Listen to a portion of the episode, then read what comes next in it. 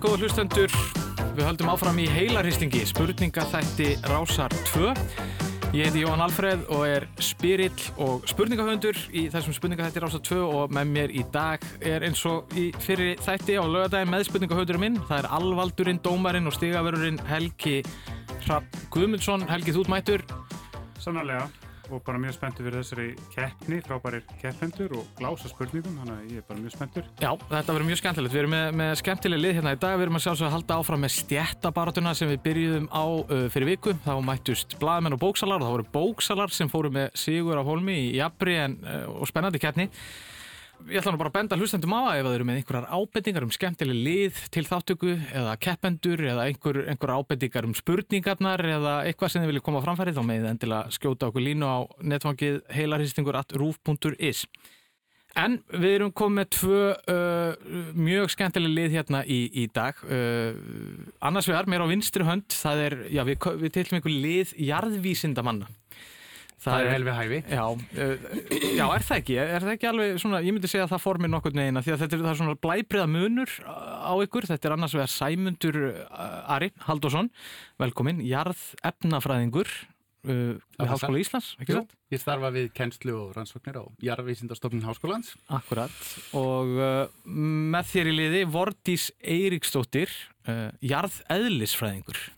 Passar. Já, þannig að það, eins og ég segi, það er svona smá blæbreiða munur hérna, uh, við erum með jarð eðlisfræðing og jarð efnafræðing. Örlítill, en það er mikil skörun. Það er mikil skörun, já. já. Hvað hva, hva varðum hérna uh, gömlu góðu bara jarðfræðingana? Er, er, er það bara svona þróun í þessu að fólk fer að sko, skilgreina sér betur einhvern veginn inn í fræðin? Þeir eru náttúrulega undir staðan sko. Já, ekki spurning, já. en svo bara snýst þetta um sérhæfingu það fram í sækir. Já, ymmit. Þannig að þið kannski bæði með grunn þá í hefbundinni í jarðfræði. Ég er það að minnst okkur stíl. Já, ég er með grunn í jarðaðlisfræði en, en sérhæði mig kannski á sviði jarðhittanýtingar. Akkurat. Þú starfar hjá landsvirkjun? Já, ég starfa hjá landsvirkjun. Held þetta um reksturinn á jarðvarmavirkjununum. Akkurat. Mm -hmm. Og þú er komið við að við, þú varst nú hérna í, í þú er komið við á stöð 2 var ekki, í viðfrettum og fleira? Jú. Já. Og Sæmundur, þú hérna einhverju kynnum mögulega kannast við því, það er reyndar orðið svolítið langt úr lið en þú varst náttúrulega keppandi í Getur Betur. Uh, Oh, ég, við förum ekki að fara yfir hvað það er hann mörg ár síðan. En, uh, hérna, já. já, ég var að mynda að rifja það það er hvað 19 ár, rétt tæp 20 ár síðan ég var hérna síðast keppandi. Byrjun ást 2001 Já, hann reynda að sagði mig að hann hafi ímsu glemt en, hérna, Nei, við, en við, sjáum, við sjáum hvað setur með það. Það er alltaf ótrúlega gaman að fá ykkur uh, Sæmi og Vordís og já, anstæðingar ykkar í dag fólk í kvikmyndagerð gaman að fá ykkur Takk að þér Takk Það er uh, Jóhann Ævar Grímsson, handritshöfundur, mm -hmm. myndu við segja, ekki satt? Jú. Og uh, Dröfn Ösp Snorradóttir, Rósas, uh, stundu þetta sem Didi Unit. Klárt. Og hérna, og þú ert í hvað, leikmyndahönnun? Já, props, leikmynda, leikmynd, leikmyndagerð. Já, já art-director. Akkurat. -huh, -huh. Innflutt á bandarækjunum. Já, innflutt. Já. Já, þú ert þetta hér á, hér á landi núna og kannski búin að vera meira heldur en efni stóðu til uppalega út af, út af dollu. Já, já, já, í raun og veru. Ég kom til Íslands bara í bláendan á janúar og er bara búin að vera hérna, tæpa sjö mánuð. Já, einmitt. Og, og þú ert í verkefnum, og ekki? Já, ég var, mér var Shanghai að beint inn í, inn í hérna, þetta byrjaði alltaf að gera litla grínauðlýsingu fyrir vinstúkuna sem síðan var enn einn auðlýsingi sem þið kannski heyrðu með Jóni Jónsson í sumar sem að allir Já, herðu, svo. Já, já. Og síðan dætti ég inn í sagafilmverkefni sem ég er núna í. Já, þannig að það er bara hitt og þetta. Þú ert auðvitað komið að ymsu í skriftum gegnum já, tíðina. Ég, ég komið við á við. Það var kannski byrjaðir hérna, einn af, af handlisöndu vakta þáttana. Það var, uh, já, sama ári Astropía og Nætuvaktinn og síðan bara hitt og þetta eftir það. Já og bara hefur verið í þessu, bara allar hvað þú séð. Ég veit það nú að þið eru svo sem, þið hafið nú alveg kæft í einni spurningakefni eða tveimur, eða ekki? Jú, jú, jú, jú, jú. Og, og líka samin okkur pubquiz. Já, klart, já. Þannig að grandarar. Það er gaman að taka þátt í spurningakefni, en um leið og ykkur segir getur betur, þá finnst mér eins og maður sé komin í eitthvað svona royalty. Stjættamunur getur orðið svolítið harkalegur þarna. Það getur orðið svolítið erfitt. Engar ágjur, ég man ekkit stundin lengur. Það er nú svo, sko. það er nú svo skemmtilegt með hérna, heilarhýstinga, þetta er eins og konfettgassin uh, um árið, maður veit aldrei hvað maður fær og uh, það verður ekki að segja hér, þetta er ekki fullkona líðræðislega spurningakefni, það getur ímis set gest, það eru alls konar beigur í þessu og hérna þetta getur svolítið hapa klappa en enga síður það er fullt af spennandi og skemmtilegum spurningum framöndan. Við höfum alltaf byrjað á lagaþrennu og það er bara þannig að það er borin upp sitt hvort lagaþrenn á sitt hvort lið. Og í hverju viku þá erum við að reyna á eitthvað nýtt uh, og við byrjum sér um þrjú atriði því heyri brot úr þremur lögum. Og þessu sinni uh, ætlum við að reyna okkur við einsmellunga einsmellunga eða one hit wonders. Þetta eru sem sé lög sem að já, lög með flytjandum sem að kannski öðlust bara vinsaldi sínar fyrir þetta eina lag og eru kannski ekkert þekkt fyrir neitt mikið fleira. Mm. og við ætlum að byrja á ykkur uh, jarfinsindamenn, þið fáið fyrstu lagatrænu dagsins og þetta eru þrýr einsmellungar og við skulum bara setja þetta stað, gjör svo vel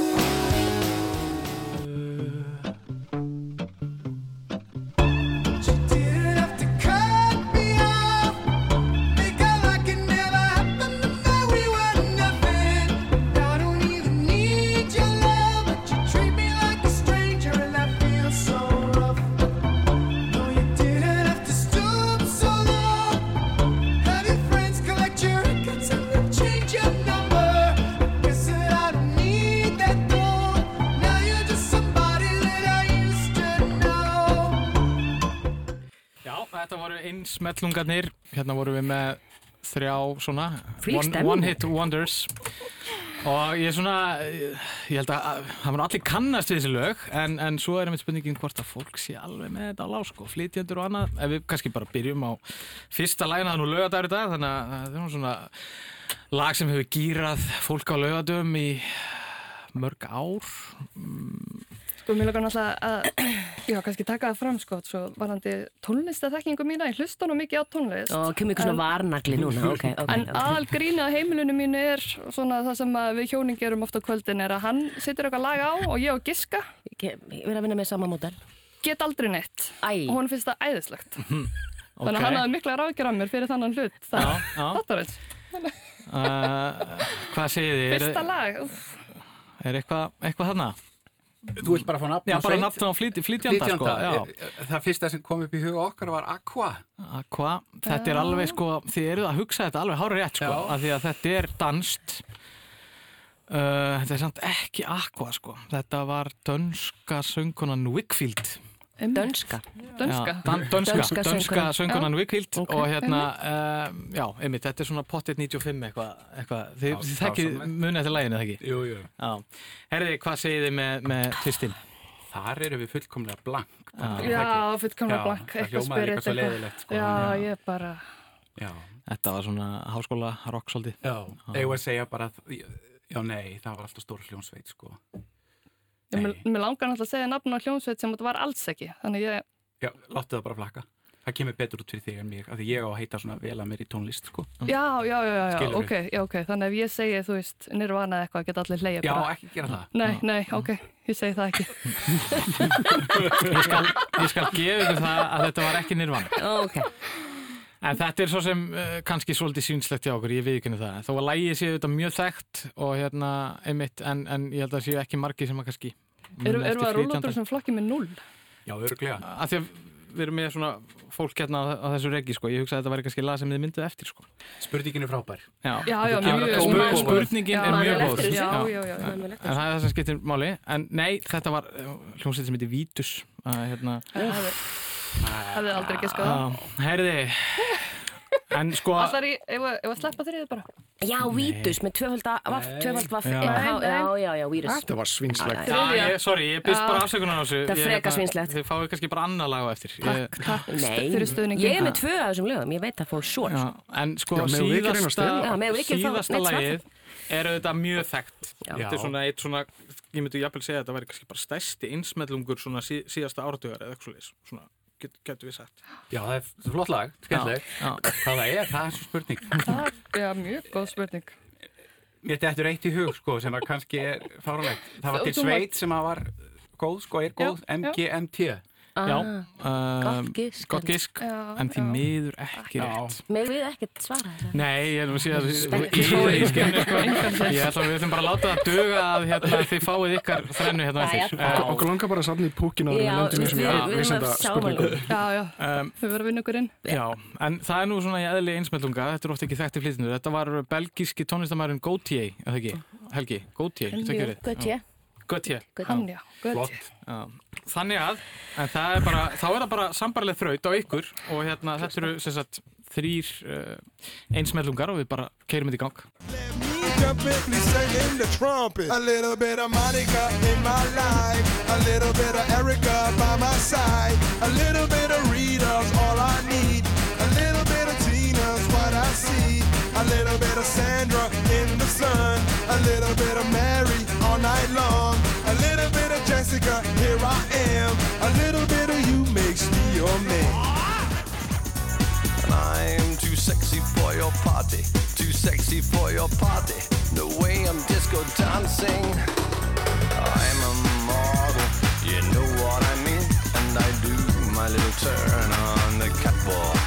Yeah, on the catwalk On the catwalk, yeah I do my little turn on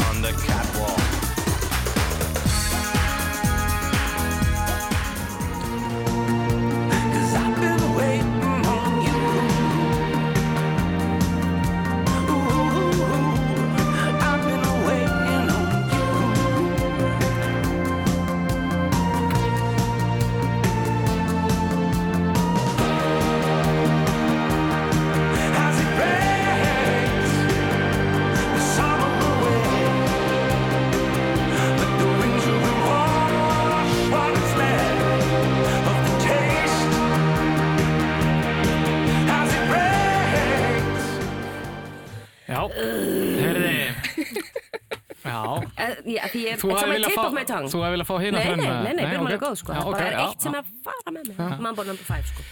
Já, byrjum á Mambo No. 5. Það er hérna lag sem að slú svakalega ekki. Mikið. Og hvað heitir hann aftur? Hann heitir... Ég held að þetta sé nafn á gæði sem er eitthvað... Ég veit þetta svo ógíslega mikið en það skiptir enga máli, ég veit ekki akkurat núna. Já, mér finnst þess að það hefur eitthvað svona Rufus eða Woofer Já, hann er ekki eitthvað svona Miguel, Mr. Mr. Nei, nei, við skulum bara, bara við skulum ekki það Það kemur ekki, nei. þetta var Lou Bega Lou Bega Var hann ekki þjóðveri? Held það Æja, uh, herru, næsta lag, þetta var, mjög, ég er svolítið gýr eftir þetta. Já, ég líka, ég er mjög peppið, sko. Þú er svona lögdags lög, sko. Hvað sögðu með þetta næsta? Það er Right Set Fred með I'm Too Sexy. Já, einmitt. Right Set Fred, I'm Too Sexy. Alveg kvöld lag, skemmtilegt lag. Já. Uh, ekki hýrta lengi, það var gaman að hýra þetta. Og líka, þú veist, þetta er, ég, ég var alveg vissum að það væri fleiri lög frá það, en það er rétt, ég man ekki eftir einhverjum björliðum hjá Right Set Fred, sko. Já, þetta er bara I'm Too Sexy, að því mér brosbræður líka svo skemmtilegir, bros. When will I be famous? Voru þeir breskir eða þískir? Mér finnst þess að þeir hafi verið þískir. Já, það er öruglega eitthvað hollandst eitthvað, brasl. En já. Það kom alltaf eitt stík, uh mhm. -huh. fyrsta stíð. Já. Yes. Og hvað segir þið með síðasta? Það er Future Islands. Já. Waiting on you. Já, það er rétt hérna ekki Seasons, Waiting for You. Uh, Já, Seasons, undirtill, Waiting for You. Hefði ykkur gengið betur með þessa? Nei. Nei, nei, nei, nei, nei, nei. Ég áttum ekki sér Öruglega geta allt í fyrst ótið mér, sko. En, herrið, hér, gild, hér yes. gildir hið forn kveðna. Staðinni 2-0 fyrir fólki í kundagerð en það er svo sannlega nóg af stíðum í potturum Það er nú bara hannig Mér hefst látt, sko. Heyrið, við ætlum að fara í stjætta spurninguna. Og, hérna, og þetta virka þannig þessi liður að, að nú verða borðnar spurningar á liðin sem að tengjast starfsviði anstæðingana og það er tvö stíði bóði en svaretinum getur sem sé farið yfir og, og anstæðingur getur þá stólið einu stíði ef það kemur ekki og það eru jarfisindamenn sem að fá spurningu Við höfum séð þetta starfseti ótalsinnum þegar kreditlistin rúlar en hvað gerir svo kallar gaffer við framleiðslu kvikmynda? Hvað gerir gaffer, gaffer. við framleiðslu kvikmynda? Þetta hef ég aldrei séð á kreditlistum. Nei. Gaffer. Gaffer. Er þetta íslensk orðið? Þetta er ennska orðið uh, uh, og við viljum bara svona fá cirka svona hvar, hvar í framleiðsluferlinu uh, hann starfar. Já, í framleiðsluferlinu. Já, þú veist, já, í, í, í, í, í pródúsjónni, þetta er pródúsjón með fullta fólki sem að gera alls konar hluti. Og... Já, já. Við kvikmyndatökur. Já, við kvikmyndagerðumtökur og gafferinn er þarna í einhverju sérstöku. Já. Getur kokka saman eitthvað gáðilegt svar við þessu? Já, þetta hafi eitthvað með lýsingu að gera eða eitthvað svo leiðis. Já, ég hugsa að lýsingu að hljóð. Já, mm -hmm. já, ég veit ekki með hljóð, sko. Það er lýsingu. Hvað segir við það? Já, já. Tvö stygg. Þetta er sem sé uh, yfirmaður ljósadildar á setti. Vel gert. Þannig að hérna... Hugsaði mig gott í glóðarinnar en það já. fór ekki. Nei, þið fenguð ekki Nei. að blása um þetta en, en hérna gafferinn, þetta er, þetta er mikilvægur, mikilvægur póstur. Mikilvægur, mikilvægur, já, já. Það verður að passa að það má ekki yfirlýsa, undirlýsa og allt þetta. Uh, Herðið, þið fá sambarlega spurningu, mm -hmm. um það gerð. Við erum bara tilbúið með líparitt. Já. líparitt, líparitt. Svara því bara strax. Já, Herði, það er líparitt. Það er okkur taktík, en þetta er svona. Snæfellsjökull, Öræfajökull og Eyjafjallajökull og líka Fuji í Japan og Etna á Ítalju teljast öll vera af sömu gerð eldfjalla. Slík eldfjöll eru oftast tilkomið mikil í sjón þar sem sí endurtekinn eldgós verða um sömu gósrás og hlaða upp glæsileg fjöll. Á ennsku kallast slík fjöll stratovolcanoes en hvert er íslenska orðið? Er þetta ekki strítur fjöll? Strítur? Strítu eldfjöll? Nei, þetta er ekki strítu eldfjöll. Já, nei, stratovolcano sko þetta er náttúrulega Hann er bara búin að segja nei, við erum þessu ljósróð Þetta er hárið að tuksa, sko, strato, stríta, eitthvað svona en því miður Hvað segir þið? Líparít? Líparít. Þetta er keilur. Já, ég, var, ég, sagði, ég heyrði það. Já, þú, ég... þú tókst það með svarettin, við vorum eftir bara að reyfa sko. Eld, keila, varða Twitterstríð. uh, Við færum þessi mótmæli hérna frá dröfn til keila. bókar. Þetta er fætti bókar. Svo keilir. En þarna kom sem sagt auka stík til uh, jarðvísindamanna. Þá fyrir við í valflokkana og á blöðum fyrir framleikur ætt er mert 1 og hitt er mert 2 og við ætlum að snúa við blæðinu sem er mert 1 Já, og meðan við erum að gera það, þá skal þess getið að jarðvísinda fólkið leiði nú með þrjú stík. Já. Uh, en það, þú kannski myndist ekki á það, en sagt, þau máttu svara fyrir eitt stík. En, en, hérna. Já, þannig að þau stálu hérna einu stígi og já, það eru valflokkarnir og það eru sem sagt jarðvísinda menn sem að byrja, þið veljið einn valflokk og, og svo fáið þið að velja og svo í setni valflokkumferðinni þá snýst þetta við. Uh -huh. En hérna, en spurningin sem að, sagt, úr valflokkinu sem að þið veljið, hún er líka borin upp á anstæðingana önnur spurningi sama þema. Fyrstu valflokkarnir, þeir eru landaheiti, duettar á þessari öld, hvaða ár og íslenskar æfisugur. Ég held að það sé alveg ljóst að við séum ekki farið meira tónlist. Það kemur að sæmi tristi sér í það. Aldrei að vita hvernig þetta fellur sko. Það er landheiti. Landaheiti, duettar á þessari öld, hvaða ár og íslenskar æfisugur. Þetta er svona, já. Ég er góður í ártölum. Já. Hvað segir þú um það? Förum í ártöl. Það er tölurnar sko. Þetta er skemmtlegt. Já. Hvaða ár? Heyri, og við viljum bara vita hvaða ár gerðist allt þetta. Íslandsbanki hinn síðari hóf starfsemi með saminningu Útæðsbankans, Alþýðubankans og Vestlunubankans. Stefán Hörður Grímsson hlaut íslensku bókmentavelunin sem veitt voru í fyrsta sinn. Sjálfstæðisflokkurinn hlaut hreinan meiri hluta á 10 borgarfulltrú af 15 í borgarstjórnarkostningum. Fjölskyldu og hústýragarðurinn opnaði í laugadal og Bob Dylan hjælt tónleika á listaháttið. Hvað ár gerðist allt þetta? Hústýragarðurinn, var hann ekki 20 ára? Fjölskyldu og hústýragarinn opnaði lögadal Bob Dylan held tónleika á listaháttíð sjálfstæðisflokkurinn fekk hreinan meirilit og tíu borgarfulltrú af 15 í borgarstjórnarkostningum Stefán Áru Grímsson hlut Íslandsku bókundavelunin og Íslandsbankin síðari hóstaðsemi með saminningu Útisbankans, Alþýðbankans og Vestlunubankans Hvaða ár gerðist allt þetta? Er það sæmið með þetta? 1991 Það er ekki rétt þetta fyrir yfir. Nú það fyrir yfir. Já, það er eitt stíð í bóði, það getur stólið einn stíð. Uh, hvað var þetta með bankana? Það eru þeir saminust og héttu Íslandsbanki? Útæsbankin, Alþýðibankin og Vestunarbankin saminust. Ah. Stefán Hörður Grímsson hlaut bókmyndafölunni í Íslensku sem eitt voru fyrsta sinn.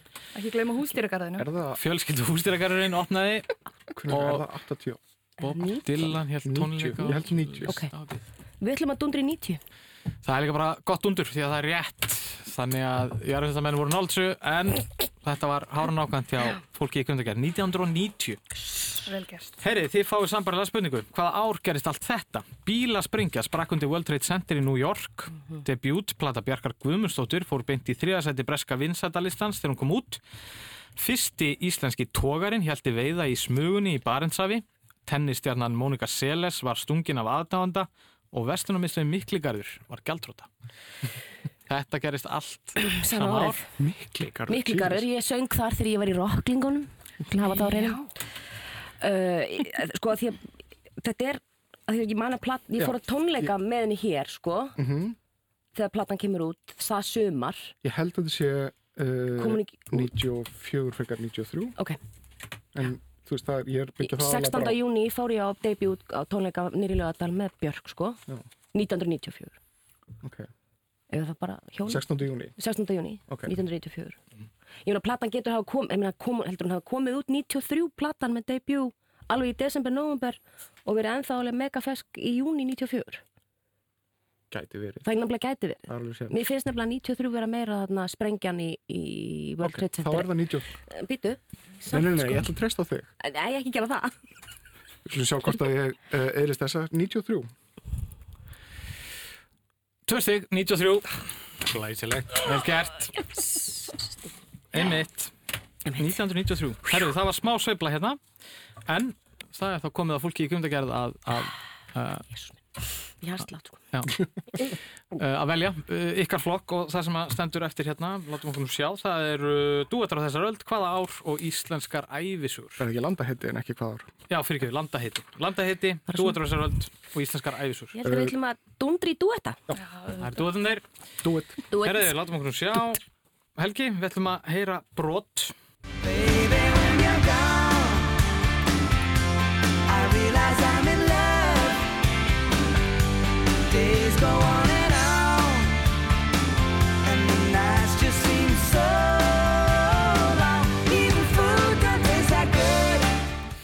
Þetta er bara einfæld spurning, hvaða tveir söngvarar gaf út þennan slagara Baby When You're Gone? Er þetta ekki hérna, hvað heitur hún aftur? Sheryl Crow? Sheryl Crow? Crow. Já, þú veist, all I wanna do is have a family. Já, já. já. Og, og er er þetta hérna Brian Adams? Brian Adams. Crow og Brian Adams. Þetta er ekki rétt. Oh. Hvað segir þið? Mér finnst vera óþarfað mikið að tónlistaspurningum þetta. Þetta sérstaklega hérna, flott svar hjá þeim. Já, Baby. þetta var ágættis svar sko, en Já, það var bara ekki, ekki rétt sko. Já. Ég bara kannast ekki eins og við lægir. Já, ég er þetta sko, þetta er, þetta gæti nú meirins að vera á grensunni með sko á þessar öll, þetta gæti verið rétt fyrir aldamot, en hérna, en enga síður þetta var svona, náði vinsaldum og var á listum og svona. Þetta er ekki að koma. Nei, Nei heyriði, þetta var rétt, það var Brian Adams, en þetta var ekki Silk Crow, þetta var uh, Íþróttakryttið, Mel C. Oh. Já, alveg rétt, hún tók nefnilega nokkra skransaða þarna með Left Eye og eitthvað. Íslands? Já, hún var ekki Íslandsverðin. Nei, það er Mel B. Maður rugglast alltaf á bíósi. Nei, ekki ég, já, ég er alltaf mikil spæskul, ég var, var formaður aðdánda klúpsins í hvernig, mm -hmm. spæskuls, lappaði á Mel B á lögaveginn. Herri, ég sé að jarfinnstamenni í það í skinninu. Uh, það er setni duettinn og við heyrum annað brot. Já,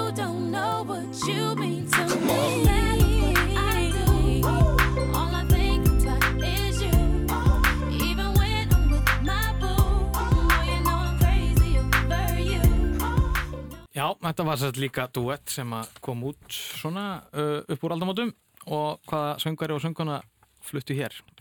Þetta er allt svona þegar ég er svona cirka tí ára. Já, mér heyri svona ásæma að þetta, þetta er ekki alveg einhvern veginn að detta nákvæmlega á, á plötuskapin þinn. Heldur betur ekki. Sko. Nei, ok, það er bara stundu þannig. hann, er, hann er stór. Já, hvað, hvað sér þú vortið? Þú, þú kannast við lagið? Ég kannast við lagið, já, já. En uh, það poppa bara engin öfnu. Nei, nei, ég er hérna Ég held við verðum að gefa þetta frá okkur sko og vonast þess að koma sterkinn hérna síðar. Já, það er eh, stig í bóði þá fyrir fólki í kvimdagerð, þið getur stólið hérna fyrir eitt stig. Þetta er Nelly, rapparinn frá St. Louis mm. og Destiny Child, stúlkan, frængan, hennar Beyoncé, Kelly Rowland. Nelly og Kelly, mhm. það er hárétt, þetta var dóttir Nelly og Kelly. Þannig að það er ekki hægt að keppa við þetta. Lægið, er þetta með lægið? Uh, hérna, Dilemma. Dilemma, það er bara hárétt. Þá förum við í setni valflokkaumferina og nú er það fólki í kvíkundagerð sem að færa að byrja og þið snúið við uh, blæðinu mert 2. Nei sko, dönst dægutónast. Og þarna erum við með, skemmtilegt, við erum með austurlenska matargerð, við erum með danska dægurtónlist, vestur Íslendinga og hver var fyrst? Já, ég er samanlega. Eða hendi vestur Íslendinga? Já, vestur Íslendingarnir. Ég, já, ég er vestur Íslendingar. Árið 1997 fór Kanadamaður einn af íslenskum ættum í tólda geimferð. Íslendingar fyltust stolti af kappanum þessum fyrsta og eina geimfara Ísland sem fættur í Reykjavík árið 1945 og við ætlum að heyra brott. I couldn't believe that these things existed, that things can fly like that.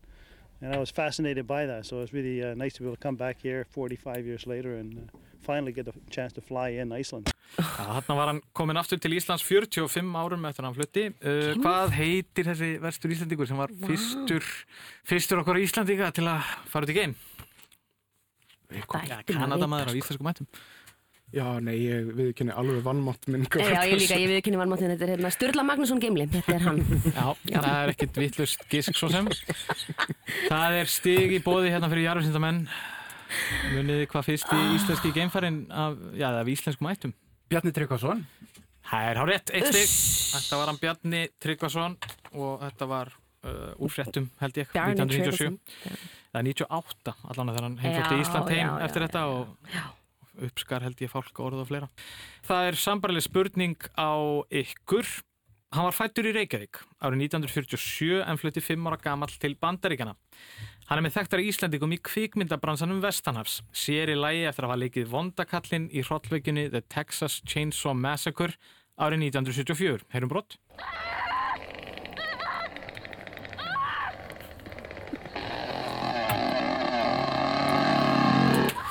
Já, hver var þessi leikari sem að lest árið 2015? Sónum hann er farið að förlast sko. ha, Þetta var eitthvað tíman vel greift þarna inni. Og getur betur árunum Guðmund góður. Þau íða henni skinnuna mót okkar að fá þessa spurningu. Já, samt svona Eða hvað? Spila nóló Nei, það er svo djúft á þetta sko Þetta er ekki, ég er, ég er, ein, ég er einhver nær sko, þetta, þetta, þetta hljóðbrót var svolítið mjög, mjög gott sko, það er einhver nær. Já, þetta er heldur skömmistilegt. Þetta er ekki að koma, herri þá hoppar þetta yfir, það er eitt stíð í bóði, fólki kveipmyndager, þetta er nú svona á ykkar, ykkar áhuga sviði. Uh, það myndi vera Gunnar Hansen. Það er, hárétt, Gunnar Hansen. Reykjavík Whale Watching Massacre hérna heima. Akkurat, -hmm. Gunnar Hansen, það er eitt stíð velgert og þá er það aftur á jarðsendamenn, þið með vel ykkur. Það er auðvitaðlega smatargerð, það er dönsk dægurtónlist og hvað vorum við með annað? Við vorum með uh, hver, hver var, var fyrst? fyrst? Já, Já við ætlum að fara í það. Við ætlum að fara í hver var fyrst. Auður Auðuns var fyrst kvenna á Íslandi til að gegna ráþæra embætti en hún var dóms- og kirkjumálar ráþæra á árum 1970 til 71. En hver var næst á eftir henni? Sú gengdi embætti mentamálar ráþæra 1983 til 85 og var því fyrst kvenna til að gegna því ennbætti þar með. Það sem betur fyrir aðeins grýnir á getur betur þekkinguna núna, þetta var Ragnhildur Helgadóttir. Tvö stygg, vel gert.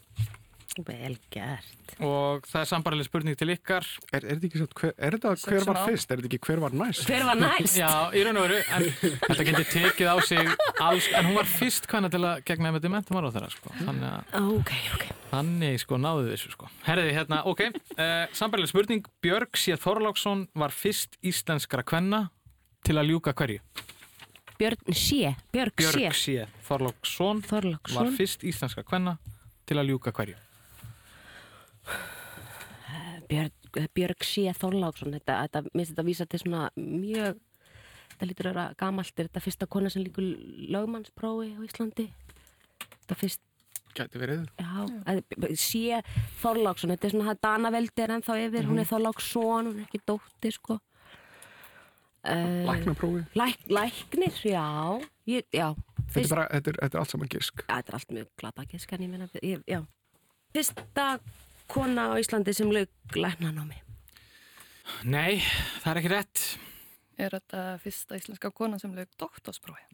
Það er rétt. Það er hár rétt. Eitt stygg, vel gert. Byttu við. Já, bara doktorsprófi. Já. Til þess að vera læknir eða til að... Það var í Sálfræði við Sorbonne háskóla. Já. Þannig að... Við söksum á. Já. Það verður kannski bara gaman að fá stöðuna núna. Þetta er nú öruglega bara í nokkus konar játnum. Já, þetta er bara í algjörðum játnum. Uh, því að staðan er 7-7. Það er ekkit annað. Herri, við förum að fara bráðum í auglýsingar en áður við gerum það þá ætlum við að bera upp svo kallað heila brott og við ætlum að hugsa þetta og meðan auglýsingarnir eru í gangi. Eh, það eru tvö stíði bóði, bæði liðin svara sagt, sama heila brotti og þið bara skrifaða niður á blað og svo bara afhendiði með blaði hérna og eftir og við förum yfir og við viljum bara vita hvaða nafn eða orð, hvaða nafn eða orð tengir þetta þrent allt saman.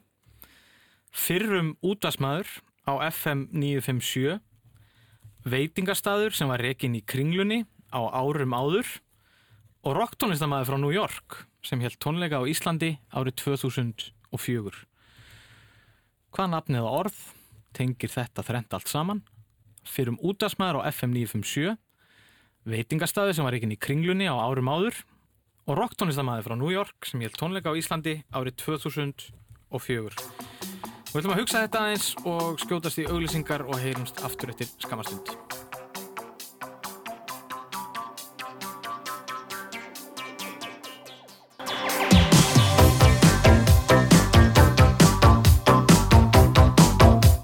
Já, velkomin aftur. Við sitjum hérna lið jarvísindamanna og, og fólks í kveimdagerð og erum að velta fyrir okkur heilabrótinu sem að lagt það fyrir kæpendur hérna fyrir auðlýsingar og við vildum fá að vita hvaða nafn tengdi þetta þrent allt saman, hvaða nafn eða orð. Fyrir mútasmæður á FM 957 veitingastæði sem var reygin í kringlunni á árum áður og rock tónlistamæði frá New York sem held tónleika á Íslandi árið 2004 Já, liðin eru arvísindamenn er allan að konu með er þið með hérna á bladi fyrir mig? Já, Jú, já. og uh, í arvísindamenn skjóta í arvísindamenn segja svali. Og uh, fólk í kvímundagerð segir, segir ro rock. Já það er rock. Rock og svali. Og það er nú bara þannig að þetta er kvorut rétt. Uh, svali hér svali hérna sko já þarna hefur kannski verið einhver hugringatengsli útdagsmænin svala. Já, já, já, já Þetta var nú svona. Uh, fyrir um útdagsmæðurinn á FN957 var hann Kalli Lú. Veitingastæðinu sem reyngi var í kringlun á árum áðum var Amma Lou og rocktónlistamæðurinn frá New York var Lou Reed. Þannig að við vorum eiginlega að leita orðinu Lou. Nafninu eða orðinu Lou mismöndi skrifa þá Sindaði tegndu þetta ekki við Lou Bega? Já, Lou Bega. Mikið missed opportunity. samt, sko, Herriði, nei, þetta kom ekki en, en hérna, ynga síður uh, Frábær spurning. Ágættar, já. Rós fyrir þessa. Já, við erum bara ánæðið með hana, held ég. Þannig að þá er staðan bara ennþá jöfn mm -hmm. meðan við ætlum að fara hérna í setni hluta keppninar Passa það ekki, Helgi, er ekki staðan 7-7? Jú, hún er 7-7 Þetta er mikil spenna í þessu og eins og alltaf þá er mikið eftir pottinum. Þannig að allt getur gerst. Sko nú er það þannig að við förum í setjinlutan þar sem allir keppindur hafa valið sér eitthvað þema eða eitthvað sérsvið sem að þau allar sér að svara spurningum úr. Og við byrjum, þetta eru nú fimm spurningar sem að hver keppandi fær liðsfélagi má hjálpa sínum keppanda ef hann telur sig vera með, með eitthvað sem gagnir að. En sagt, uh, svarætturinn gengur ekki yfir. Og þetta eru fimm spurningar og það eru átjónstíð í pottinum fyrir hvert lið þannig að það er nóg eftir. Wow. Uh, fyrstu tvær spurningarnar teljast svona þægilega stark, gefa eitt stig, svo koma tvær sem að teljast nú aðeins þingri og gefa tvö stig hvor og í lokin er það þingsta spurningin og hún gefur þrjú stig. Og við kannski förum aðeins yfir uh, sérsviðin sem að þið völdu ykkur, við kannski byrjum á þér uh, Sæmi. Já. Þú fóst í svolítið skemmtilegt, íslensk byggingarlist, ekki satt? Jó. Mm. Ég veist um að ég verða mikil hjálp þar. Já. Þetta er bara svona áhuga málum þess að myndir. Já, búin að vera að horfa á steinsteipuöldina. Til dæmis. Og, já, og hérna, þannig að þú er gaman að þessu. Já, já, þetta er svona lesmyndi frólegs. Okay. Mjög gaman að. Já, þetta er bara mjög skemmtilegt sérsvið og er mitt svona líka bara svona skemmtilega klassísku spurningaflokkur. Það er bara mjög, mjög gaman. Þannig við hoppum á milli liðana í þessu, þannig að við förum eiginlega á þig ævar. Uh, þú valdir mjög skemmtilega flokk. Mm. Hvað, líf og list Nicolas Cage? Já. Já. Oh, Nicolas Cage er þess að svolítið þinn maður eða? Heillandi maður. Já. Ég veit ekki hvort hann sé minn maður Ég held hann sé sinni einn maður Já. í öllu sem hann gerir. Já, það er þetta kann að vera. Uh, en, ég, en hann er listaverka mann að vera. Já, hann er það. Já, hann er, hann er ótrúleur og hefur komið við að við verið lengi í bransanum og, og svona lendi ímsu sko. Mm -hmm. Þannig að hérna, já. Upp og niður maður. En við förum aftur á, á Járvæmsættamenn Það er Vortís, þú fóst bara í svona, já Back to, bara, basic. já, back to basics Já, já Þú valdi landafræði? Já Eða íslenska landafræði? Íslensk landafræði Það að reyna að standa mig hérna sem landsbyðar represent Ok, landsbyðar skvís Hvaðan ertu? Neskupstað Já, þú ert að austan Ég er austan sko. Ok Nú fyrir við strax að renni við spurningarna sko Hérna, uh, þá er það drögg uh mhm. -huh.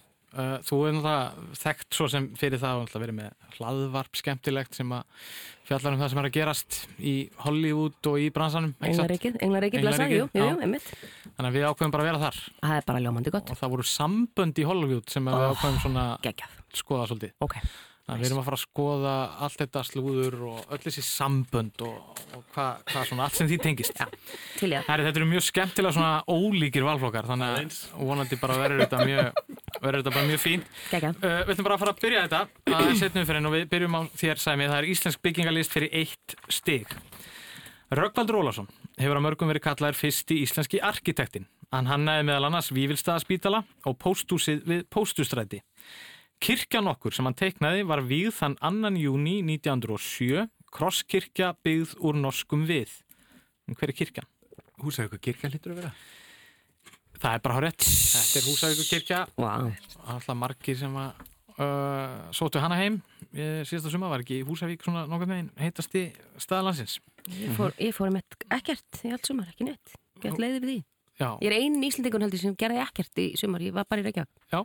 Það er það ekki bara ágætt líka, stundum? Jú, það var fínt. Sérstaklega þegar að hérna, það var, þetta var náttúrulega svolítið svona, það var öðruvísi að ferast innlandas í sumar en ótt áður því að það var svo mhm. mikið íslendingum og hérna, þetta, svona, þetta var svolítið önnur stefning, maður hálf saknaði bara þjóðverðana og hérna, vera með bara... Bífi rauð fyrir framann skóafoss. Já, þessi klassíkin sko. Já.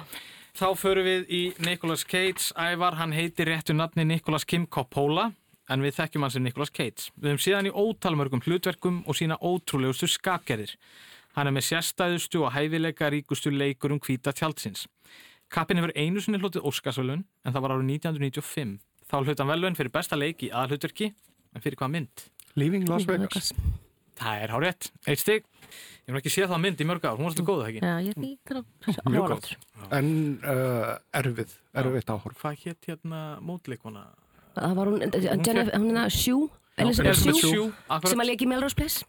Sister Billy Gott að hún var ekki tilnæmt líka eða hvað Jú, þetta er tilnæmt, eina, eina tilnæmninga, jú. Mm -hmm. Núna í The Boys gerir danda sem er bræðast vel í því. Mm -hmm. En lífing Las Vegas, þetta er bara hárétt eitt stygg og við förum í landafræði. Vatnajökull er hæsti jökull landsins. Skagar auðvitað hæsti Kvannadals hnjúki.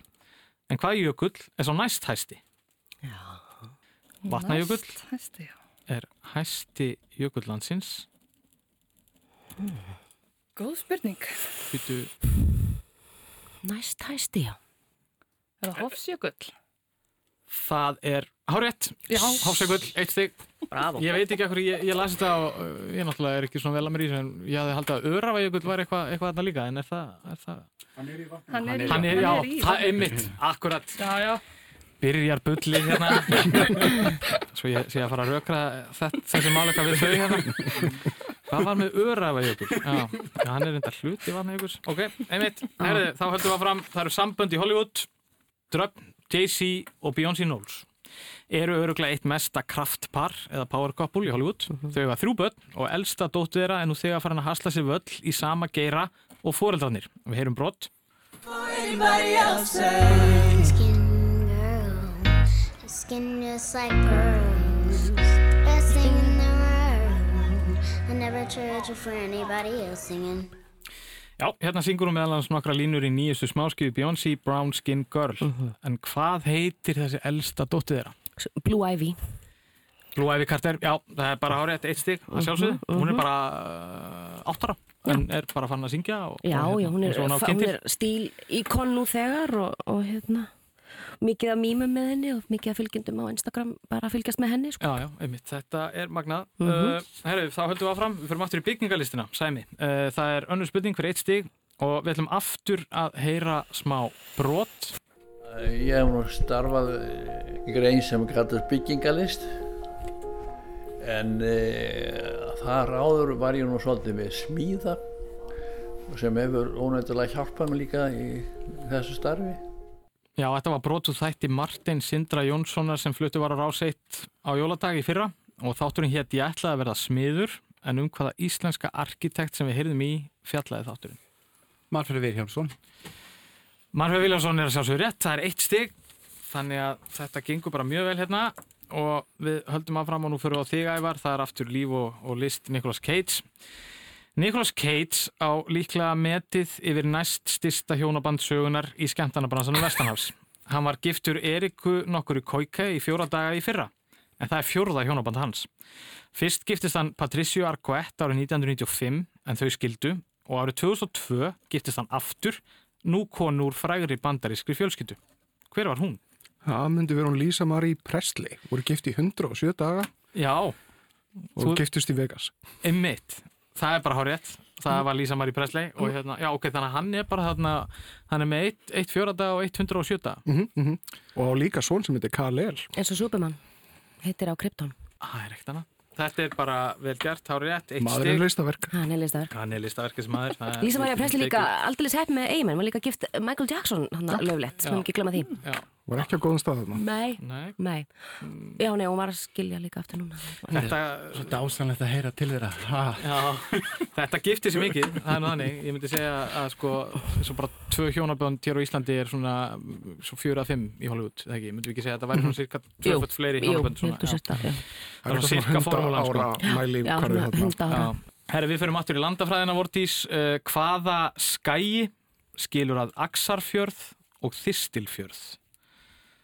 Hvaða skæi skilur að Aksarfjörð og Þistilfjörð? Þistilfjörð Er þetta einstegspurning? Já, Já. Ég, ég fekk þetta bara aðfendið í mætti hérna sko. Mm. Herðu. Skæi, já.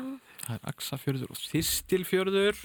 Melrakka sletta Það er hár rétt, það er slettan Já, það er hann að öndin, lítur út eins og önd. Já einmitt, mm. það er öndin eins og maður segir. Mm. Uh, þetta er eins og ég segi núna bara aldrei heyrt þetta áður sko, en, hérna, ég, ég er til að kvitundi það sko. Já, ég, ég, er það langanessi þetta er mjög skemmtilegt. Og herri, þá förum við aftur í sambund í Hollywood. Dröf og við vorum að tala um skamvin hjónabönd verðan að hjónabönd í Hollywood er ennabla oft skamvin og en fá voru þó skamvinari frá talið Nicolas Cage og nokkar En hjónaband Dennis Rodman og fyrirsættu leik, söng og sjónvaskonu nokkurar sem stóða eins í nýju daga árið 1998. Uh -huh. Sambandi þeirra voru gerð nokkur skil í sjónvastáttaröðinni Last Dance sem kom út í vor um titilvörd Chicago Bulls í NBA-deildinni þetta sama ár. Uh -huh. En hver var gift Dennis í þessa nýju daga?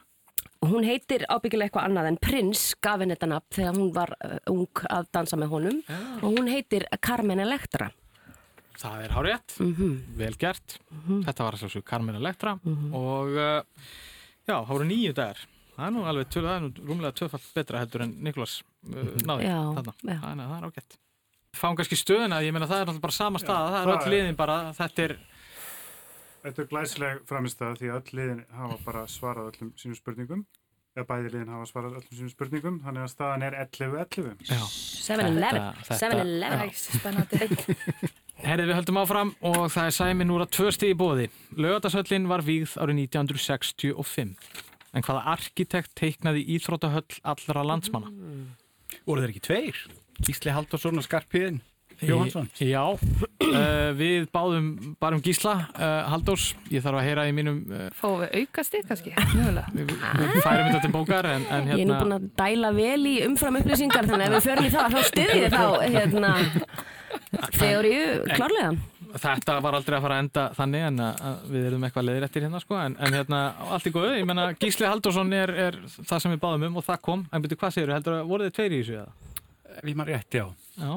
Helgi, við vorum nú bara að byggja um Gísla Haldursson en, en kannski, já, sást okkur yfir hans skarpiðin hérna, þeir voru þessi tveir. Já, akkurat, já. þetta er bara hárið Hárið, vel gert. Og við förum aftur í Nicolas Cage, Ævar Á síðustu árum hefur Nicolas Cage leikið í ótrúlega mörgum kvikmyndum á ári. Því að fjárhagsvandræði plaga leikaran hafa mikil eðslukló á árum áður. Hann eitti til dæmis háum fjárhæðum í að kaupa hauskúpu af risaðilu í Mongóliu. Árið 2019 leik hann í heilum sjö bíómyndum til að eiga fyrir salti í grötin. Ein myndana er byggð á sögu eftir hryllingshöfundin H.P. Lovecraft. En hvað heitir hún? Hún heitir Color of... Oh, það er alveg dótt úr mér. Jú, og við erum einmitt að tala um H.P. Lovecraft bara í vikunni mm. Svona eins og maður gerir bara Það er nefnilega nýtt seria á HBO Lovecraft County Mjög skemmtileg seria Jordan Peele og, og hérna, J.J. Abrams er að framlega Nú er ég rosalega stressað Color of Ten of Color eða, Það er color í þessu? Já, Color of Dawn eða eitthvað svona Nei, þetta var, þetta var eitthvað svona hérna Color of Life. Ekki Color of Money því að that's all we're eating Ég er reyn Ég ætla bara Já það er, það er alveg, alveg dottuð mér. Þetta, Já. Ég hef síðan að mér að segja. Nei, já, en uh, sko Alveg rétt sko, Color Color mm -hmm. var, hár rétt, myndin er í lit Hún heitir Color Out of Space. Color Out of Space. Color Out of Space. 50% Það kom ekki. Nei. Þannig að nú geta Járafsindamenn tekið fórsuna Við förum til Östurlands. Nálat borgarferðið Eistri og undir dýrfjöllum leynist náttúruperla sem var til dæla óþægt þar til fyrir nokkrum árum. Staðurinn er myndaður úr gríðarstórum björgum sem talið er að Ísaldar Jökull hafi kuppað í sundur og flutt fram um 7 km leið. Eftir stendur hríkaleg og sérstæði náttúruperla þar sem djúbláar tjarnir liggja á milli risastóra bjargana. En hvað heitir þessi staður? Hvor er megin við dýrfjöllin? Hér stendur bara nálat borgarferði eistri og undir dýrfjöllum leynist náttúruperla sem var til dæla óþægt þar til fyrir nokkrum árum. Þetta er alltaf mjög vandræðilegt sko því að ég ættir að reykja á borgarferði eistri. Mm. Við farum að snjósleiða upp í dýrfjöllin. Já. En ég er alveg blank. Þetta er hríkaleg sko, og sérstæði náttúruperla sem djúbbláar tjarnir liggja mellir í Ísastóra björgana. Ég held að ég hef aldrei farað ángað en, en já, það veist að eina sem ég mann eftir kennileitaðan er bara stóra urð. Það er bara hár rétt, tvö stygg. Þetta, það. Þetta er rétt, náður þessu inn, þetta var gegn. Þetta, þetta kom. Takk, takk, húf. Nú er mér óhætt að snúa aftur. Í vinnuna. Já, já í vinnuna, já, já, og austur, og austur, já. Og bara heimdi með mér, sko. Við förum alltaf í samböndin í Hollywood fyrir mm. tvö stíg og við náttúrulega getum við þetta ekki farið í gegnum þetta að minnast það svona Taylor Swift. Uh mhm. -huh. Því að hún hefur auðvitað átt í nokkrum romantískum samböndum í gegnum árin. Öll voru þau frekar skamvinn, það til hún kynntist Joe Alwyn en samband þeirra hefur farið frekar leint en staðið yfir í á fjóruð ár. Nú Taylor hefur fjallað nokkuð um þessi sambönd sín í lögum á plötum sínum, þannig að lagi Dear John tali fjallað um John Mayer og þetta lag hér trouble when you walked in. So shame on me now. Blew me to places I've never been. Till you put. Já, I knew you were trouble ávist að fjallum skammind samband hennar við Harry Styles. En á árunni 2015-16 deytaði Taylor annan afar vinsalan tónlistamann og afur þess var ekki að finna á plötum Taylor heldur var hún meðhauðundur af einum stærsta smelli tónlistamannsins. Hún samti lagið á samt tónum undir dullnefninu Níls Sjöberg. Hver er þessi tónlistamæður sem að Taylor Swift deytaði mellir 2015 og 16 og samti var meðhundur að einu þekktasta lagi hans? Ég held ég verða að skjóta þetta sé Calvin Harris. Ef við ekki bara heyra lagið sem að hún tók átt í að segja.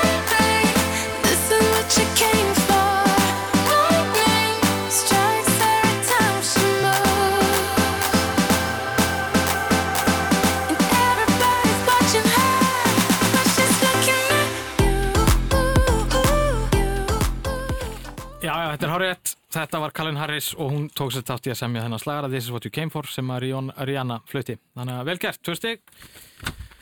Þá fyrir við fjóruðu spurningu. Við höldum áfram með íslensku byggingalistina Sæmi. Högna Siguradóttir er meðal þekktustu íslensku arkitektina. Hún lærði í Fraklandi, opnaði teiknistóðu þar en hús hennar að bústæðabröyti Vestmanniðum var fyrsta íslenska húsið teiknað á konu. Hennar þekktasta verk er kannski húseitt við bakkaflut í Garðabæ sem var meðal hans í fyrravalið af pislahöndum BBC eitt af tíu draumahúsum sem byggð voru á síðustu öld. En húsið spilaði líka stórt hlutverk í kvikmynd eftir Baltasar Kormák. Í hvað mynd? Já, þetta var þarna myndin það sem hann leikur lækni.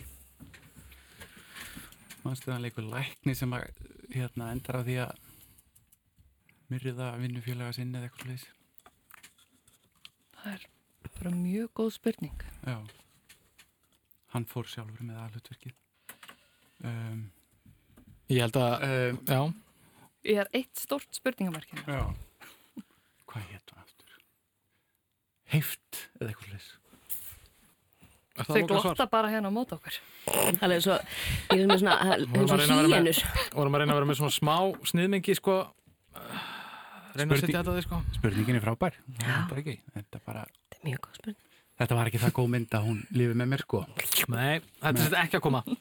Bara fast skotið menn eru menn eru að, að hérna, það eru títlanir að veðast fyrir keppendum mhm. þannig að hérna, þetta var Eidurinn já, Eidurinn Eidurinn, þið fáið mitt ekki að svara þessu.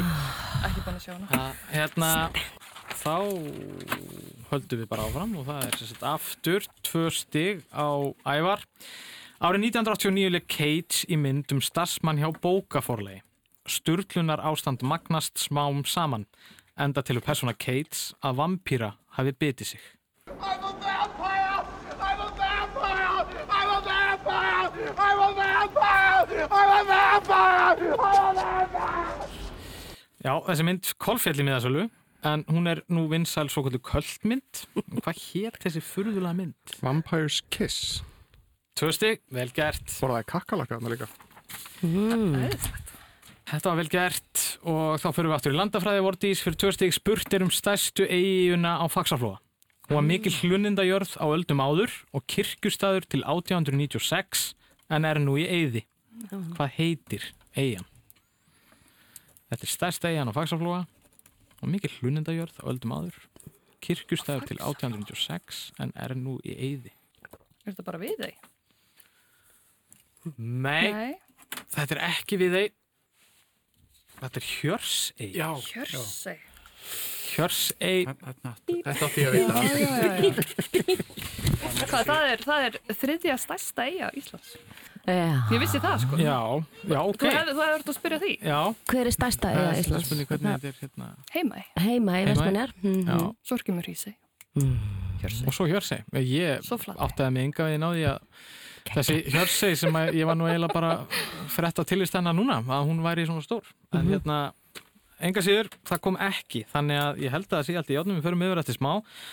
Sko, Uh, Justin Timberlake og Jessica Biel hafa verið talið eitt traustasta sambandi í Hollywood en þau hafa verið saman í vel yfir áratug og gift frá árunni 2012. Þess vegna kom það flatt upp á marga þegar myndir byrtust að Justin leiða mótleikonu sína í kvikmyndinni Palmer í november síðastliðum þegar þau voruð á lífinu í Miami. Myndirnar fóru sem eldur með sinu og JT sá sér knúin til að beðast afsökunar, viðkendi að hafa sínt að sér domgreindabrest út af lífinu en ekkert meira væri á milli þeirra. Hver var mótleikuna? Ég er búin að stróka. Mann vel eftir þess. Ég man eftir þessu þetta var áfall. Þetta var, þetta var svolítið í frettum sko. Voruð ekki New Orleans samt? Já, voruð ekki New Orleans. Þegar myndina hafi verið að þeim á svölum. En það er ekki að hjálpa mér hér að ég muni það. Því ég man ekkert hvað þessi stelpa heitir. Nú er þetta aðeins farið að þingjast eins og þið heyrið. Ég á að vita, ég á að vita. Samt, skildilega ný frétt sko sem að allir Svona ah, áfallið sko? Nei, nei, þú tekja ára frétta því að hún, þau eru búin að eignast bann núna í mittiltíðinu, hún já, og Justin, hún já, það var gammalt. Þú var þetta ekki bara fyrir áramót, ég held að? Nei. Þetta er tildulega nýtt. Já, þetta er með festi minni. Ég veist að ég er 15 ári í Hollywood. Ég veit ekki, ég þekki þetta nokkið nákvæmlega sko. Sara, hún er, ég held hún sé breytt þessi stelpa, hún er ótrúlega huguleg. Nei, ég er ekki með það. Nei, þetta kemur ekki Alicia Wainwright heitir hún það er nú, ég get nú svo sem viðkjönd það, þetta er nú kannski ekki ekki með þekktustu uh, ekki með stórunöfnunum nei, en, en, en yngar síður uh, þannig að þetta, eins og sé, þetta álíka svona þess að þingast þeirra álíður leiða hann við vorum að fara í loka umferina uh -huh. það er reynilega allt undir hérna og við kannski fáum stöðun á lengur haldi. Já, þetta er svolítið spennandi. Oh. staðan er 15-15 Hættu þessu. Okay. Alltaf endar þetta nú einhvern veginn svona og, en við tökum, tökum þetta bara það er bara ein spurning einu og við byrjum aftur á Íslenskri byggingalist Sæmi fyrir þrjú stig síðasta spurningin síðla árs 1929 var fyrsta íbúðarhús hér á landi teiknað eftir hugmyndum mótenismans það var hús Ólafs Tórs í Garðastræti 41 en bygging þess markaði mikil tímamót. Hver teiknaði þetta hús? Hver teiknaði hús Ólars Tórs í Garastæti 41? Fyrsta húsið sem byggt var til hugmyndu mótenismans og markaði þar alveg mikil tímamót. Hver teiknaði húsið? Já, þetta, þetta veit ég alveg sko. Var viðkomandi þá í námi? Sko þetta er það erfið spurning að þú getur ekkert spurt mig sko, ég hérna, get ekkert fyllt í neinar, fyllt í neinar eður hér sko. Uh, Segðu mér. Skal ekki segja sko, ég hérna. Mögulega. Sko mínum huga kom bara tveir til greina, eða fleiri reyndar. Þú getur alveg tjáðið uh, og hika sko því að það hérna gengur ekkert yfir hérna neitt sko. Nei, ég meit Þetta er frábær spurning mm. Þetta er ekki spurning Mjög góð Eða að segja Sigurður Guðmundsson Þrjú stygg Anskotin Er þetta ekki Fítón, gamla hérna, Fítónhúsið í Garastræti sem ég vann í? Jú, allir það ekki? Sem að gammar eru að selja núna gamma. Akkurat. Herði, þetta voru þrjú stygg og þá er það fólki kundagerð, það er smá pressa núna. Uh, um 1996 var kvikmyndum Superman í undirbúningi. Okkar maður Nicolas Cage átti að leika óðmennið og Tim Burton átti að leikstýra en skemmst þið frá því að segja að þessi mynd sem átti að heita Superman Lives var aldrei gerð en það fór allt úrskeiðis við undirbúningin eins og Kevin Smith sem var ráðin sem handlisvöndu myndarinnar hefur líst Þar var helst um að kenna rugglingslegum kröfum yfir framleganda myndarinnar sem er fyrirverandi hárgríslumadur og sérvitringur. En hvað heitir sá ágæti maður? Hann komst reyndar í frettir í ár fyrir tóltaða hjónaband sitt og Pamelu Andersson. Svo höldum áfram í skamvinum hjónaböndum sem er að verða nokkus konar auka þema hér. Hvað hétt þessi yfirframlegandi sem að tókst einhvern veginn að... Já, veitu það þegar hann giftist Pamela Andersson um daginn. Finnst þess að þetta hafi verið eitthvað svona John Peterson eða þar eitthvað það gæti verið Wolfgang Peterson eða ah, það var ekki það exotíst en Pettersson kannski. Mm. já, það, því að Pamela Andersson giftist honum og, eru, eru getur betur reglu, getur maður nefnt eftirnafnið og það dugar? Já. sko, sangað þungutu skilgenningu þá dugar eftirnafn á elendum aðlum Peterson. Má ég heyra aftur? Peterson mm. sko Þú varst alveg með þetta hérna, þú sagði John Peters. Já. Þetta er John Peters. Ekki Peters. Dammit Já, Petersen er hins vegar ekki rétt. Það er spurning sko finnst það nú vera svona þess eðlis að það mætti nú jæfnvel gefa eitt stig fyrir þetta sko Já, ég, ég við fikkum það En að því að sko keppin er að þróast með því mætti að eitt stig gerir ekkert Nei. fyrir ykkur sko Þannig að hérna Ég tökum það svona Já, Þim, við stiðum það, eitt stygg. Já, já, eitt stygg og... Gott, vel, vel gert, sko. Þá er það landafræði, Mordís, fyrir þrjú stygg. Síðaspöndingin og við fyrum aftur til Östunlands. Hann er hæsti foss landslutans um 139 metra og er sínilegur á hringveginum. Það er ekki langt frá, er sífælt frægara stuðlagill, þar sem Will Smith var stattur um daginu tökur. En hver er fossin? Þetta er, það eru svolítið þungar svona í lokin. Þetta er foss sem er en það er rétt hjá stuðlagili. Þetta er hæsti fosslandslutans um 189 metrar og er sínilegur að ringveginum. Að ringveginum? Fossin er sínilegur að ringveginum, það er ekki langt frá honum, er þið frægara stuðlagil og hér eru við svo sem komin í eitthvað sem að hugsa að fæstir hafi á ykkur ræðbergi í spán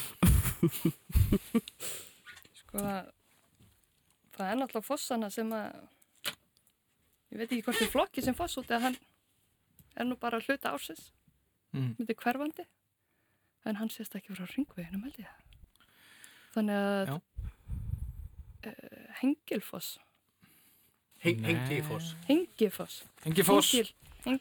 ekki rétt. Hér eh, stendur rjúkandi. Hverfandi, þú varst að Hverfandi, rjúkandi, þetta var alltaf svona slóðum. En skemmtilegt Það er þá þannig að, að fyrir síðu spurningu, hver er staðan? Og hérna, ég held að uh, ég held að uh, ævar fá ekki endilega að auka stiga eða hvað, hvernig, hvernig... Það er þúnt Já, staðan án, án þess að við gefum honum þetta auka stig er átján 15 sko. Já, ég held nefnilega að við gefum hann ekki auka stig vegna þess að hér er kettnin undir þannig mhm. að við ætlum að gefa dröfntækifæri til að jafna kettnina okay. og, og, og ef að uh, dröfn nær þessu þá förum við í örstutna bráðabanna Það vakti undrun og eftirtekt þegar George Clooney, eitt lang lífasti pipasetnin í Hollywood, gekk út á árunni 2014 þegar samband hans við mannreitnda lögfræðingin Amal Amaluddin varð ofnbært. Og pari var ekki lengi að láta púsa sér saman en augu slúðupressunar voru á brúköpi þeirra sem framfór 27. september 2014. Þau letu púsa sér saman í Evrópskri borg sem segja má að hafi farið á hliðina og meðan á veisluhöldunum stóð. Meðal gesta var margt af helsta fyrirfólkinu í Hollywood og myndir úr brúðköpunu byrtust um víða veröld dagana á eftir. En hvar fór brúðköpið fram? Dan, dan, dan. Hann á náttúrulega hús aðná Ítalíu. Þannig að hann gift sér þar. Mm -hmm. Hjá Lake Como, en mm -hmm. það er ekki borg. Como, það er bara Como. Nei, það er, já. Lake Como. Þau litur púsa sér saman í Evrópski borg sem segja má að það farið á hliðin á meðan veistlöðunum stóð. Geta verið... Með gesta var Marta helsta fyrirfólki á Hollywood. Verona, Verona, Róm. Það er eitthvað staðar hérna í nágrinni við leikom. Já.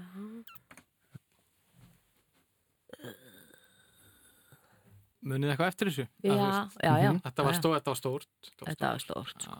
Það var mikið, vera, mikið tekið að gifta sig aðna. Kim og Kanye gifti sig líka í Ítalíu held ég og og maður með mikið glemja Tom Cruise giftið sér líka henni þegar hann giftist henni hérna. Kitty Holmes. Kitty Holmes, þá giftistu líka í Ítalið mm -hmm. þá held ég í Róm. Þú segja að það er bara verið í Róm. Hér má heyra sömnál þetta Já, og... pressan sko. Mér finnst eins og Róm sé svona aðeins of The Eternal City, eiliga borgin sko. Já, en ég held að það séu meira prívat. Þetta var eitthvað svona lítill Min, minna, minna. Fenegar Fenegar, uh, Vín? Vín? Flórens Flórens, Flórens hmm. uh, Verona Verona. Sure. Nú bara Nú er það bara sérst að loka svar. uh, Ég er stendingundu nafni, ég lappaði nút ekki sem Didi Júnett sko, ég lappaði nút bara sem eitthvað D-unit Já, feil Það er líka nú fyrir að þessar spurningar geta verið ansi svínslegar svona í login Æ, uh, Verona. Hm. Loka svar, Verona. Það er ekki rétt. Þetta voru nefnilega fenegar Ok, Þannig að mm. þetta var svínslegt Já, nei, nei, nei, þetta er, þetta er sangjan sko. Já, Þetta hérna, maður að vita sko. Já, það voru hérna einhverja myndi þau voru á sigla og bátónum hérna eftir fennium og hérna, eitthvað Svo glæslegt Heyriði, þá eru úsletir á þinn og hérna eftir bara æsi spennandi og afar jafna viðurregn mjög skemmtilega viðurregn verði ég að segja að þá hérna eru það jarfísinda menn sem að hafa sigur uh, hér í dag. Grísiðum þetta.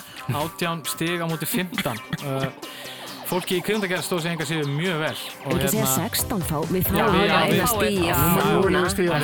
Ég er bara því þið fáið tvö stími 18-17 þetta var hálffínt þetta var hálffínt enga síður þannig að hérna, það eru járnstöðumenn sem að sigra í dag og þá er bara heilaristingi lokið. Við heimumst aftur þetta viku.